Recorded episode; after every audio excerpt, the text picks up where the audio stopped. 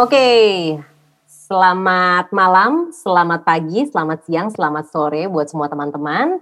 Welcome to podcast God's Culture 24/7 by Grow Center Church. Ketemu lagi bareng sama Deprita, tapi kali ini wah seru banget ya. Di dalam bulan yang kita masih ngomongin tentang visi, kali ini kita akan ngobrolin tentang calling dan visi dalam keluarga. Kalau kemarin-kemarin ya di episode-episode lalu kita udah sempat ngobrolin tentang visi dalam pekerjaan, mencari visi da, da, apa dari Tuhan gitu ya. Nah, sekarang kali ini aku nggak sendirian karena aku ditemenin sama teman-teman dari Kul Pondok Aren. Yeay! Hey, halo. Selamat datang Bugi, selamat datang Gustaf. Wah. Ini halo Prita. Hai. Halo Prita. Prita. Jadi uh, buat teman-teman perkenalan sedikit, uh, Kul Pondok Aren ini isinya tuh banyak uh, hamba-hamba Tuhan, pengerja-pengerja. Kalau Gustaf ini mungkin teman-teman juga udah tahu ya, dia seorang uh, eh, WL worship leader, pasti teman-teman juga sering lihat. Nah kalau Bugi ini dia adalah uh, diaken ya, diaken untuk ibadah raya keempat ya Bugi ya. Iya. Nah, Ibu juga ya. kebetulan saya juga, soalnya kita suami istri. Oke, baiklah kalau gitu langsung aja kita mulai ngobrol-ngobrolnya. Nah, tapi sebelum kita ngobrol-ngobrol nih, coba aku pengen tanya dulu nih sama uh, Gustaf ya kali ya. Menurut Gustaf, uh, sebenarnya visi itu apa sih kalau menurut Gustaf? Iya, uh, thank you pertanyaannya, Sprita, dan thank you juga diberikan kesempatan untuk nongol di podcast uh, ini, ya. Uh, kalau ditanya uh, pertanyaan seperti itu, uh, visi secara general ya berarti ya. Artinya uh, apa sih yang ada dalam uh, visi kita, tujuan hidup kita itu ya. Uh, visi memang uh, sesuatu yang uh, jangka panjang, yang uh, menggerakkan kita itu untuk uh, apa? melakukan uh, banyak hal untuk mencapai visi tersebut. Jadi visi itu yang mengontrol dan yang mengendalikan kita uh, atau bisa di uh, apa ya menjadi kerangka atau big picture dalam hmm. kehidupan kita gitu. Hmm. Sehingga visi itu sangat mempengaruhi uh, cara hidup kita. Hmm. Uh, uh, itu yang saya uh, dapatkan. Jadi bisa dibilang tujuan hmm. uh, sehingga uh, perjalanan hidup kita itu ada dalam tuntunan, ada dalam kerangka visi itu. Kira-kira okay. seperti itu. Oke, okay, thank you Gustaf. Nah, kalau misalnya uh, dari Bugi sendiri ada yang mau ditambahin nggak tentang uh, uh, visi ini? Visi ya, visi itu pasti sesuatu yang ingin kita tuju sih. Hmm. Rata-rata tuh visi itu kayak kayak company, kayak seorang atau atau atau apa pun. Hmm. Visi itu harusnya uh, tujuan yang kita ingin capai dalam jangka waktu tertentu, mau panjang mau pendek, hmm. uh, dan pasti sesuatu yang lebih baik ya daripada sekarang ya kalau visi ya kalau hmm. visi yang buruk itu kan nggak ada tapi rata-rata visi pasti bagus sih itu sih kalau hmm. dari uh, dari gue Oke, okay. nah kalau misalnya menurut uh, teman-teman dari Kul Pondok Aren ya, Gustaf dan Bugi, ini kalau kalian ngebedain visi sama calling, itu kayak gimana sih? Bebas nih, siapa aja boleh jawab duluan, siapa mau jawab duluan? Coba, gue duluan apa? Bugi boleh. Silakan. Oke. Okay. Uh, eh, kalau calling itu kan gimana ya?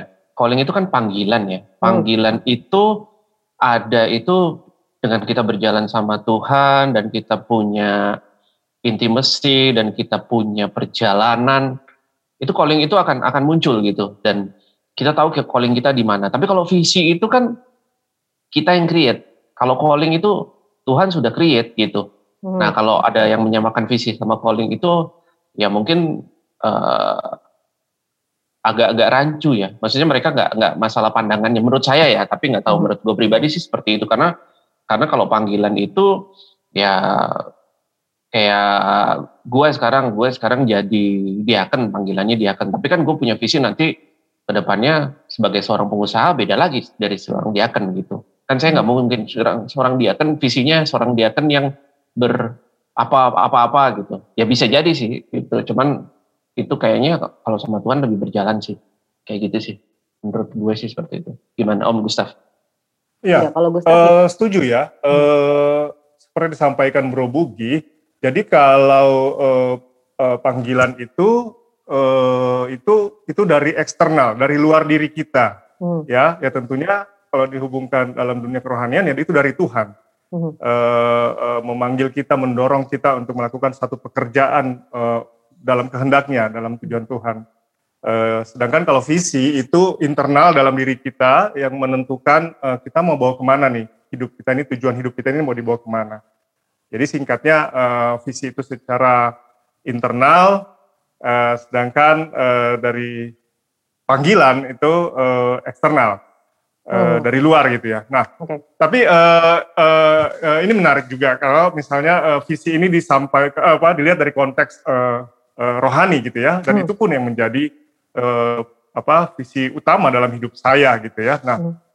kalau bertanya kalau bicara soal visi, saya teringat waktu saya masih eh, masih single ya. Hmm.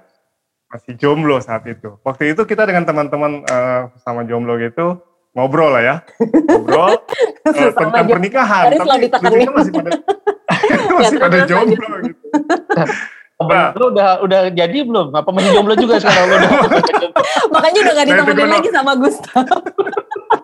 Gue komen deh kalau soal itu. Gak pernah dijawab. Lanjut, terus nah, terus uh, apa obrolan kita itu uh, sampai ke soal pernikahan gitu ya. Dan uh, waktu kita ngobrol gitu uh, timbul pertanyaan gitu ya. Pertanyaan di antara kita bahwa uh, kenapa lu mesti nikah gitu ya. Hmm. Kenapa mesti ada kenapa lu mesti menikah gitu. Pertanyaan hmm. sederhananya seperti itu. Apakah karena uh, lo ikut-ikutan uh, teman gitu kan? Apa karena memang umur gitu ya? Banyak hal gitu ya uh, timbul pertanyaan gitu. Tapi waktu pertanyaan itu diajukan ke saya, uh, saya sampaikan bahwa uh, memang menikah itu perlu ada tujuan, hmm. ya, hmm. perlu ada tujuan dan bagi bagi bagi uh, gue gitu ya, uh, gue nggak melihat bahwa pernikahan itu adalah tujuan, okay. tetapi pernikahan adalah kendaraan yang gue pakai untuk mencapai satu tujuan. Wow. Nah, nice. okay. itu menjadi pegangan gue, hmm. uh, Bro Bugi and Sisprita. Hmm uh, gue dapat uh, firman yang menguatkan gue dan gue itu pegang menjadi fisik uh, hmm. gue uh, di dalam Yosua 24 Yosua pasal 24 ayat 15 hmm. kalau boleh gue bacakan uh, berbunyi demikian tetapi jika kamu anggap tidak baik untuk beribadah kepada Tuhan pilihlah pada hari ini kepada siapa kamu akan beribadah hmm. Allah yang kepadanya nenek moyangmu beribadah di seberang sungai Efrat atau Allah orang Amori yang negerinya kamu diami ini tetapi aku dan seisi rumahku, hmm. kami akan beribadah kepada Tuhan. Wow. Nah, hmm. ini yang gue pegang nih.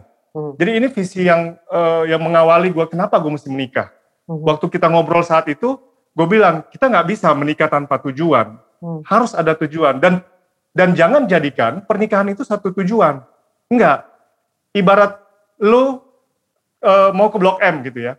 Hmm. Tujuan lo ke Blok M Begitu lo jalan gitu sampai ke Blok M, tujuan lo sampai di sini, terus lo mau ngapain? Udah sampai nih. Lo kan boring kan? Hmm. Lo nggak akan, lo nggak ada lagi sesuatu yang lo cari karena ya tujuan lo, lo udah nyampe okay. gitu. Hmm. Tapi dengan lo menyadari bahwa pernikahan ini adalah kendaraan saya untuk mencapai tujuan. Nah di situlah lo akan mempertahankan pernikahan, lo tahu tujuan lo mau ke mana, hmm. lo uh, uh, apa, lo akan uh, dengan effort tentunya bersama Tuhan lo akan sampai tujuan itu. Nah itu yang pertama. Lalu yang kedua, visi gue dalam uh, keluarga, dalam berumah tangga tentunya, itu adalah menjalankan amanat agung. Oh. Nah itu gue pegang. Mungkin pertanyaannya, loh, keren banget ini. Ada hubungannya, sangat erat hubungannya. Gue atau uh, mungkin gue berbeda dengan orang yang lain yang bisa penginjilan keluar mana uh, ke mana-mana gitu ya, keluar kota bahkan keluar negeri. Tapi bagi gue, menjalankan amanat agung itu menjangkau jiwa-jiwa khususnya adalah paling tidak minimal adalah orang di keluarga kita. Hmm. Yaitu siapa? Anak kita. Nah ini yang menjadi target gue. Hmm. Ini yang gue pegang dari sejak gue belum menikah. Gue membayangkan, gue pernah merenungkan dan gue bertanya sama Tuhan, Tuhan bagaimana caranya saya bawa jiwa kepada Tuhan? Hmm. Roh Kudus kasih hikmat. Pada saat kamu menikah, paling enggak orang yang paling dekat dengan kamu, itu yang kamu bawa ke pada Tuhan. Itu jiwa dan siapa wow. jiwa itu? Ya anak kamu. Jadi bagi saya, keluarga itu kendaraan saya untuk menjalankan visi, men, uh, mencapai visi itu. Hmm. Gitu. dalam uh, firman Tuhan karena dalam firman Tuhan dalam kitab Amsal hmm. Amsal 29 ayat 17 berkata didiklah anakmu maka ia akan memberikan ketentraman kepadamu dan mendatangkan sukacita kepadamu ya orang tua mana yang gak happy kalau anaknya di dalam Tuhan hmm. orang tua mana yang gak happy kalau anaknya cinta Tuhan takut Tuhan ya kan rasanya yeah, kita yeah. aman dia mau bergaul sama siapa pun go ahead hmm. saya percaya kamu sudah tahu Tuhan kamu sudah takut Tuhan Hmm. Makanya kenapa dari saat ini sampai saat ini bahkan sejak anak saya lahir, anak gue lahir, itu gue udah tumpang tangan di kepalanya hmm. setiap hari, setiap hari sebelum setelah saya berdoa sebelum saya berangkat kerja, saya tumpang tangan di atas kepalanya. Saya lepaskan berkat dan doa saya yang saya paling sering dan selalu saya ucapkan, saya katakan, aku lepaskan roh takut akan Tuhan turun atasmu. Wow. Aku lupa uh, apa biar engkau berjumpa pribadi dengan Tuhan. Hmm. Karena saya dapat hikmat dari Tuhan, mungkin kita sebagai manusia, sebagai orang tua, punya keterbatasan dalam mendidik anak untuk membawa dia kenal Tuhan. Tapi saya lebih sangat percaya kalau Roh Kudus membuat dia berjumpa dengan Tuhan, ah itu itu pasti pasti terjadi. Pasti sangat ampuh, sangat efektif untuk membuat seorang anak menjadi takut akan Tuhan. Bukan karena perkataan kita yang sering omelin, baca hmm. firman, ke sekolah minggu, tidak. Tapi waktu dia berjumpa dengan Tuhan, dia mengalami perjumpaan pribadi dengan Tuhan, pasti mudah sekali kita untuk mendidik anak kita dalam Tuhan. Itu sebabnya saya sebagai orang tua, apalagi sebagai imam dalam rumah tangga, dalam keluarga, saya merasa saya punya tanggung jawab itu. Nah, bicara kepanggilan itu ada uh, relevan dengan panggilan saya sebagai seorang pria, sebagai imam dalam keluarga. Tuhan panggil saya bertanggung jawab seperti Tuhan bertanggung jawab ke jemaatnya, demikian uh, gue dengan rumah tangga gue, khususnya buat anak saya. Ya, kalau istri itu partner, gitu ya, sama-sama mendidik dia dalam Tuhan, tetapi tanggung jawab saya berdoa buat anak saya ini supaya dia mengalami perjumpaan pribadi dengan Tuhan. Dan itulah yang bisa mengubah dia menjadi takut Tuhan, menjadi cinta Tuhan, punya karakter seperti karakter Kristus. Itu saya percaya sekali. Saya percaya banget. Karena orang kalau udah berjumpa dengan Tuhan, itu lo nggak perlu capek-capek omelin, nggak perlu capek-capek nasihatin dia tahu dia punya gairah dengan Tuhan itu yes. uh, apa kuat sekali kuat karena gue juga pernah ngalamin soalnya hmm. dan mungkin Buki dan Sistrita juga pasti pernah ngalamin sehingga uh, itu yang membuat uh, apa ya itu visi yang membuat gue melakukan uh, uh, apa uh, tindakan seperti itu hari demi hari gitu okay. kira-kira itu jadi kalau misalnya boleh I simpulkan gitu ya, jadi memang kita tuh sebenarnya memang harus uh, ketemu dulu gitu ya visi dari Tuhan ya. gitu kan ya. Lalu kita baru setelah kita ketemu visi dari Tuhan, kita akan tahu nih panggilan kita gitu ya. Karena ya tadi ya. balik lagi kan panggilan itu kan dari eksternal gitu. Ini keren banget sih karena tadi Gustaf udah menyinggung tentang masalah keluarga ya. Nah ini menarik karena tadi Gustaf sempat bilang gini, hmm, aku sama istri aku tuh partner gitu kan. Nah yang aku mau tanya di sini ke Bugi dan Gustaf ya, uh, pasti dong kalau misalnya dalam sebuah keluarga kita sama partner kita gitu kan, itu kita pasti punya visi, punya calling yang beda gitu kan ya satu sama lain. Nah pertanyaannya uh, di dalam keluarganya Gustaf dulu deh sama Bugi dulu. Ini ngapain gue nanya kalau sama Bugi ya? Kalau dalam keluarganya Gustaf dulu, kalian tuh ada perbedaan visi nggak sih? Uh, Gustaf sama Vienna tuh ada perbedaan visi nggak?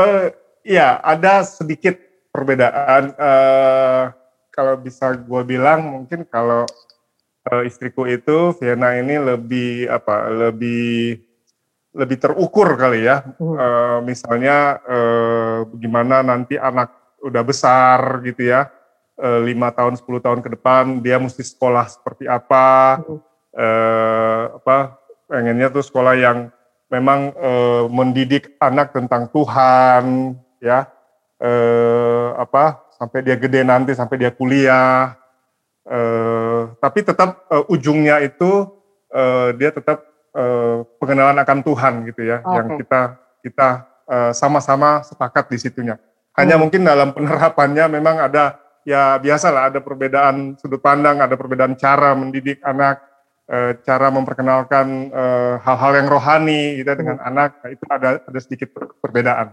Hmm. Oke, okay. kalau Bugi gimana? Kebetulan saya sama istri saya agak berbeda. Tapi enggak sih. Tapi balik lagi. Istrinya istrinya dengar loh. Uh, iya makanya sebenarnya uh, gue sama ya Prita tau lah kita berdua itu memang pasti ada perbedaan. Tapi along the way itulah tadi memang benar kata Om Gustaf tadi kan bilang kan kalau kita serahkan visi kita sama Tuhan gitu dan Tuhan pasti akan akan akan menyelaraskan itu gitu. Kalau memang itu sesuai dengan panggilan dan kehendak Tuhan gitu. Uh, karena tadi kan menarik banget tuh. Wah gue gue amanat agung gitu. Tapi memang kita semua kan pasti punya panggilan menjadi amanat agung. Dan kita semua kalau untuk pria panggilannya harus jadi imam. Mau nggak mau belajar dong jadi imam. Mau nggak mau belajar jadi pemimpin di keluarga gitu. Juga istri mungkin uh, nanti pandangannya istri beda lagi. Tapi memang satu visi uh, memang kadang-kadang pasti beda lah. Visinya istri istri pasti lebih kalau anak-anak sekolah itu lima tahun 10 tahun itu sama sih bro. Gue sama itu si Prita juga biasanya udah pengen sekolahnya di sini ya nanti begini ya nanti begitu ya gitu. Bahkan kadang-kadang uh, untuk masalah dulu kalau kalau ada perbedaan tergantung sih. Harus ada yang mengalah sih gitu. Nanti baru kita ketemu kompromi di tengah-tengah untuk sama-sama ngobrol sebenarnya kenapa sih kita pingin pingin ke misalkan nih kenapa sih Carla harus sekolah di sekolah A gitu? Nah Prita nanti ngasih ngasih argumen nih ngasih argumen bla bla bla bla terus terus gue berusaha untuk melihat sudut pandangnya. Oke okay, oke okay, oke. Okay. oh iya ya udah. Berarti kita sevisi. Kalau belum sevisi kalau gue biasanya diem dulu. Gue akan berdoa dulu. Kalau memang eh, gue nggak setuju gue akan berdoa dulu. Nanti kalau gue ngelihat gimana sih ke depannya si Prita ini kira-kira ada perubahan pikiran atau enggak kalau memang dia tetap itu ya akhirnya gue pasti akan tetap tetap menjalani itu dan pasti gue akan damai sejahtera. Tapi kalau gue gak damai sejahtera kita pasti akan ngobrol lagi sih. Gitu. Itu biasa sih. Gitu sih. Itu kalau masalah visi. Kalau masalah panggilan ya itu tadi. Kalau di keluarga ya kita panggilannya harus tahu apa.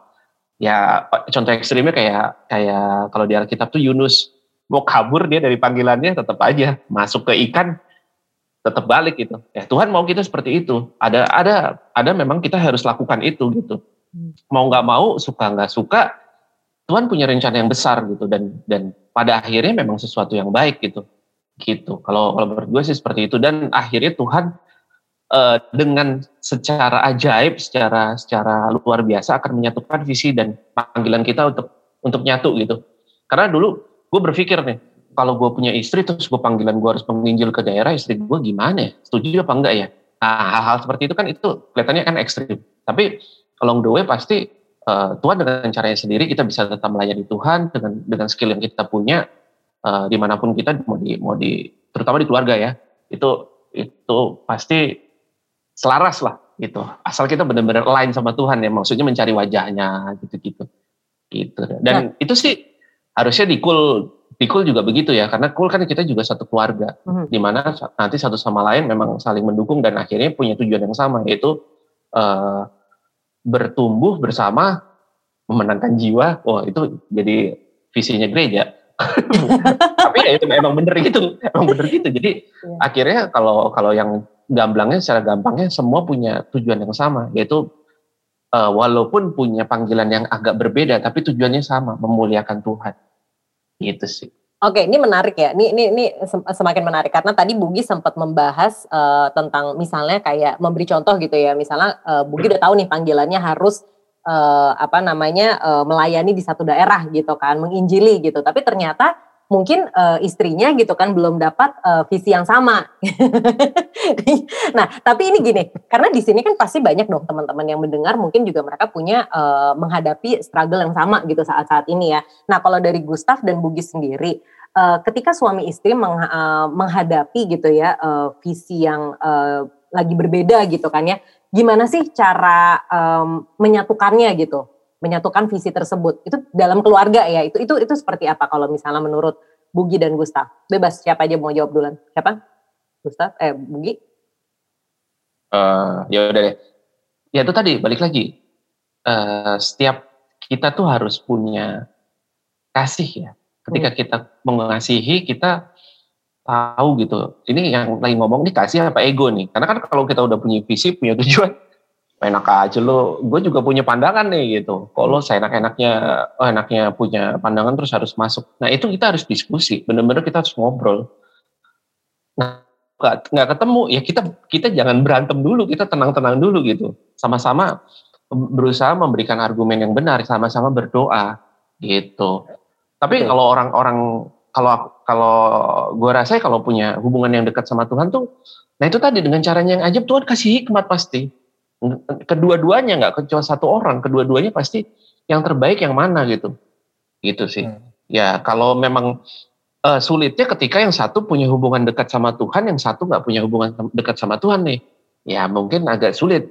Cuman ya ya balik lagi posisinya yang mana nih. Tapi saya bilang sih nggak ada yang salah sih. Kekuatan doa pasti bisa menjawab itu sih. Hmm. Gitu. Ya. Gustaf mungkin mau nambahin? Ya setuju ya dengan yang disampaikan Pro Bugi. Jadi hmm. memang uh, dalam kondisi ada sedikit perbedaan yang kita uh, temui saat visi itu uh, ternyata berjalannya kok agak uh, agak ini agak berbeda gitu ya. Tentunya kita tetap berdoa sama-sama dan minta hikmat Tuhan. Uh, apa sih yang Tuhan mau gitu dalam saat ini untuk mencapai visi itu. Nah, uh, kebetulan aku baru ingat nih soalnya nih.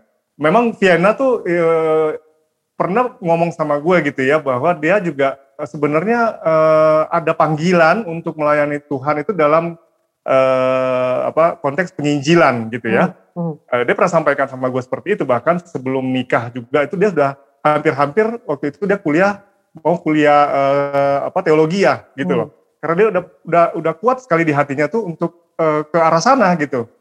Nah, pada saat nikah ngobrol sama gue gitu uh, apa disampaikan tuh keinginan itu, kerinduan itu ya, ya sebetulnya panggilan itu dalam dirinya. Uh, dan itu sudah menjadi kayak udah menjadi visi buat dia tuh. Karena sampai hari ini pun dia masih punya uh, kerinduan seperti itu. Hmm. Tapi kan udah punya anak nih sekarang dan sudah berkeluarga.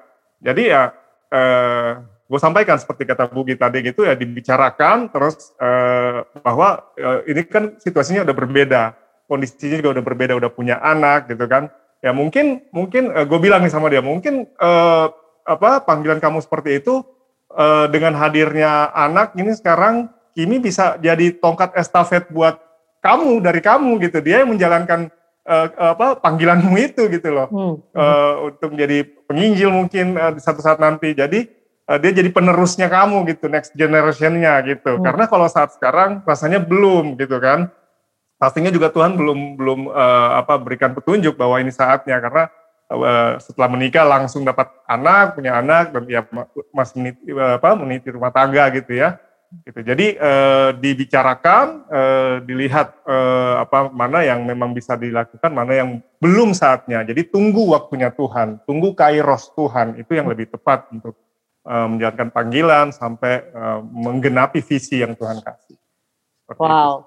Oke, okay. mungkin kalau misalnya uh, di sini gue boleh sharing sedikit juga ya. Jadi memang uh, kalau gue ngelihatnya tuh tentang visi uh, pasti yang namanya di dalam keluarga karena banyak kepala gitu ya.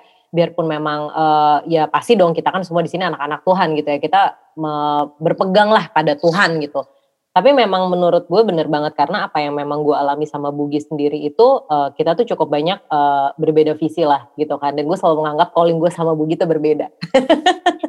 Tapi balik lagi memang di dalam keluarga itu yang gue lihat uh, seperti yang Gustaf bilang dan Bugi bilang itu cuma doa sih yang menyatukan kita karena ya. apa pun yang terjadi kalau kita bertindak uh, dengan pikiran manusia kita gitu ya, ego tuh pasti ya. akan mengambil alih gitu kan. Pasti Betul. dong kita pengennya kayaknya nih gue nih harus dengerin gitu kan. Terus kayak tadi Gustaf sempat mencontohkan juga gitu kan.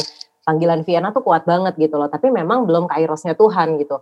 Kalian bisa mencapai kesepakatan itu dan Bugi juga bisa akhirnya nggak uh, kita hmm. bisa aku sama Bugi tuh kita nggak terlalu banyak uh, cekcok dalam rumah tangga gitu kan ya karena jujur aja ya banyak gitu yang ngalamin cekcok dalam rumah tangga karena beda visi karena sama-sama merasa hmm. visinya tuh yang paling benar gitu. Tapi balik lagi kita berdoa kembali gitu. Kita benar-benar harus bersatu hati gitu dalam keluarga ya.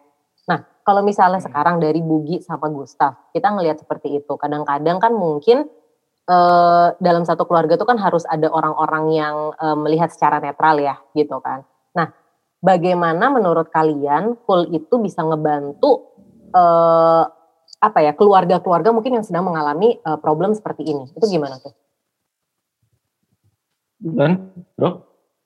Iya, uh, jadi uh, apa namanya perbedaan visi ini uh, dengan adanya komunitas school ya, hmm. uh, bagaimana bisa di apa namanya ya uh, ditengahi lah. Hmm. Uh, tentunya uh, kehadiran Kul ini cukup berarti ya, hmm. ya sangat berarti lah katakan seperti itu karena mungkin uh, ada hal-hal yang kami berdua nggak lihat, hmm. tapi teman-teman di Kul dalam komunitas ini yang bisa lihat.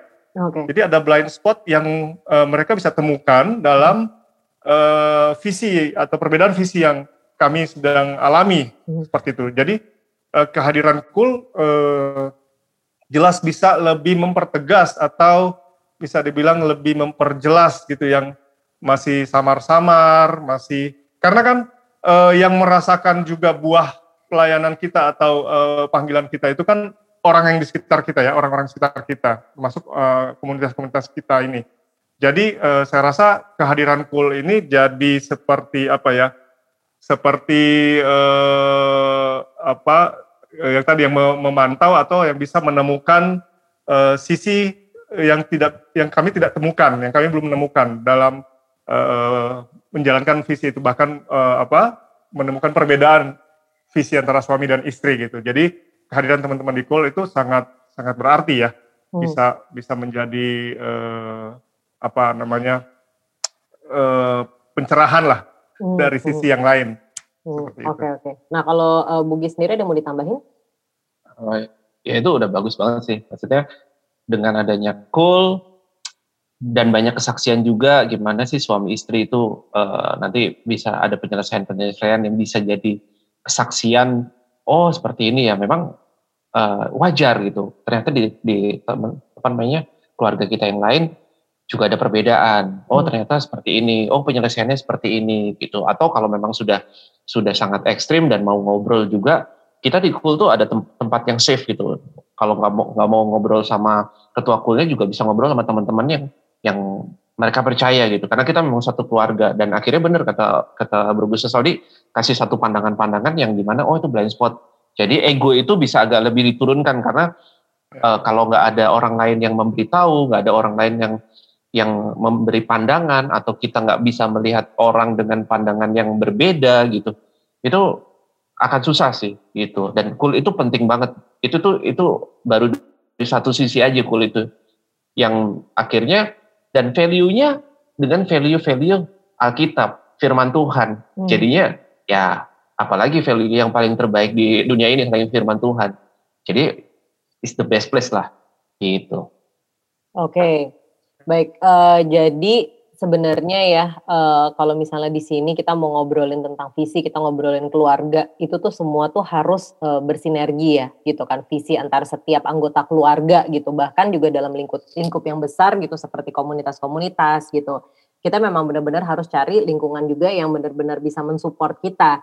Ya lingkungan-lingkungan yang orang yang benar-benar dekat sama Tuhan gitu, yang memang mencari Tuhan. Jadi kita uh, kalau mungkin suami istri dalam keluarga kita nggak bisa saling uh, menurunkan ego gitu ya melihat uh, apa namanya uh, sebenarnya apa sih harus kita ambil jalan tengahnya. Nah mungkin kembali kepada keluarga yang lebih besar gitu. Oke okay, this is so nice ya. Dan uh, kalau misalnya menurut Gustaf dan Bugi ini untuk pertanyaan terakhir nih ya seberapa penting sih uh, karena kita kan ya tadi kayak Gustaf bilang ya sebenarnya kalau misalnya kayak pernikahan kehidupan berkeluarga itu kan sebenarnya bukan sebuah tujuan ya tapi itu kayak sebuah kendaraan menuju ke tujuan tersebut. Berarti bisa aku bilang ini adalah sebuah proses, benar kan? Yang terus ya. pokoknya kita hmm. akan terus terus mendapatkan uh, new vision dari Tuhan, kita akan terus yes. mendapatkan calling right. kita tuh mungkin kalau kita udah dapat get one calling gitu kan, kita udah fulfill calling itu, mungkin ada calling Tuhan yang Tuhan taruh lagi gitu kan di setiap kehidupan kita gitu kan. Entah buat Gustaf, Bugi dan keluarga kalian gitu kayak tadi Gustaf juga bilang mungkin uh, callingnya Vienna itu diteruskan kepada uh, Kimi gitu kan. Nah, Ya. Seberapa penting sih buat kalian untuk terus apa ya uh, punya visi gitu, mencari visi dari Tuhan gitu? Itu seberapa penting? Silakan. Oke. Okay. Om Bugi. Sebenarnya uh, kita punya visi itu penting, tapi untuk menyelaraskan sama Tuhan itu lebih penting lagi. Hmm. Karena ketika kita punya visi nggak selaras sama Tuhan, ya akhirnya berantakan. Wait. Itu yang pertama. Yang kedua, eh, ketika kita sudah mencapai suatu panggilan kita dan kita merasa puas, eh, kadang-kadang akhirnya level kita malah turun. bukannya naik ke turun karena kita ngerasa puas padahal uh, semua orang berdoa ada firmannya. Semua pengen jadi semua jadi kepala bukan ekor ya namanya. Jadi selalu jadi kepala adalah suatu proses di mana uh, ketika kita mencapai sesuatu ya pasti kita akan naik lagi naik lagi naik lagi hmm. naik lagi. Kalau kalau kita nggak naik lagi lama-lama kita akan berada di zona nyaman. Ya itu sebenarnya ini banyak sih sama mau di company kayak mau di organisasi kayak mau di mana pun. Zona nyaman dan akhirnya uh, kualitasnya akan turun dan turun dan turun gitu itu pun uh, harusnya terjadi di, di dalam keluarga, itu terjadi di dalam organisasi, itu terjadi dalam panggilan kita gitu. Karena kalau kita sudah udah men, udah jadi apa ya, jadi terbiasa gitu dan nggak punya tujuan yang jelas, itu akan membosankan. Tadi kan oh, Bro Gustaf ya. tadi udah ngomong juga di depan tadi, mau suami istri kalau uh, kita nggak tahu kapan kita bisa liburan, kita nggak tahu kita uh, makan malam bareng, kita nggak tahu kita nanti tujuannya, ayo kita nanti mau mau apa ya punya rumah itu yang kayak begini begini begini itu akan membosankan. Yang ada kita cuma hidup dengan orang, ya udah lo lakukan apa, gue lakukan apa, ya akhirnya akhirnya lama-lama jadi sendiri-sendiri gitu. Ya untungnya lagi kalau masih punya Tuhan ya bisa berdoa nanti Tuhan kasih ingatan, tapi kalau enggak ya jangan sampai itu.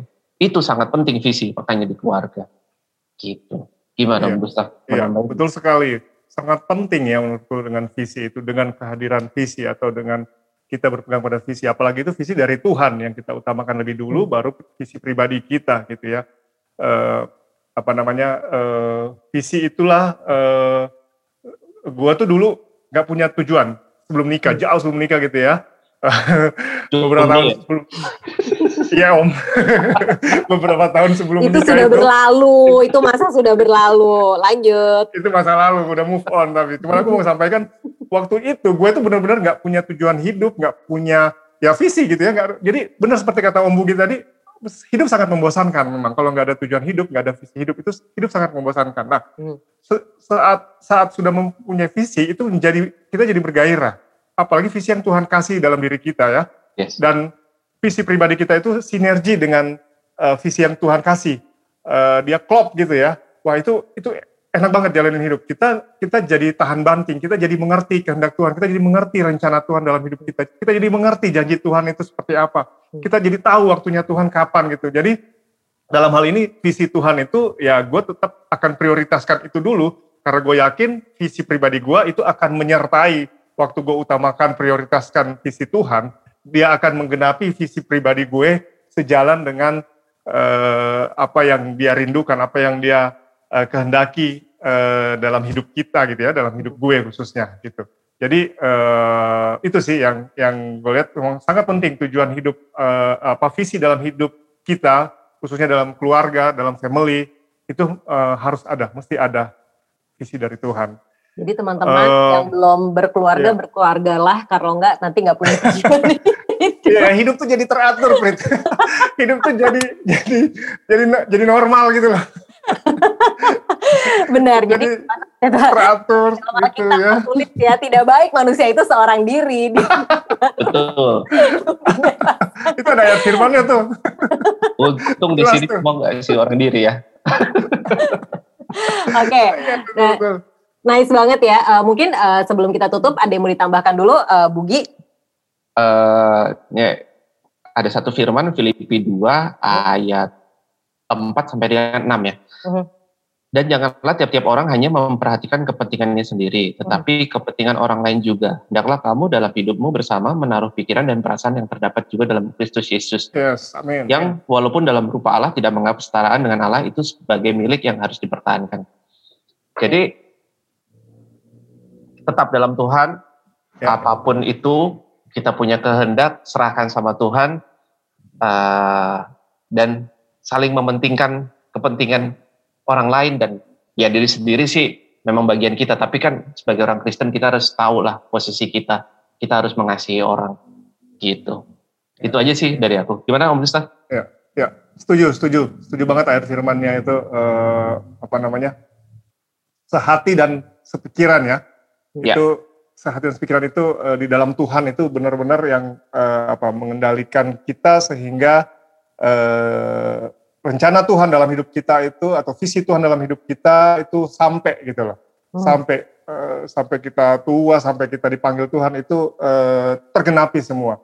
Step by step Tuhan tuntun kita uh, apalagi dengan pasangan kita sehati sepikiran dengan firman Tuhan itu uh, uh, kita akan melihat bagaimana karya Tuhan dalam setiap hidup kita, langkah-langkah hidup kita itu jelas sekali janji firman Tuhan itu nyata dalam kehidupan kita, nyata wow. dalam keluarga kita.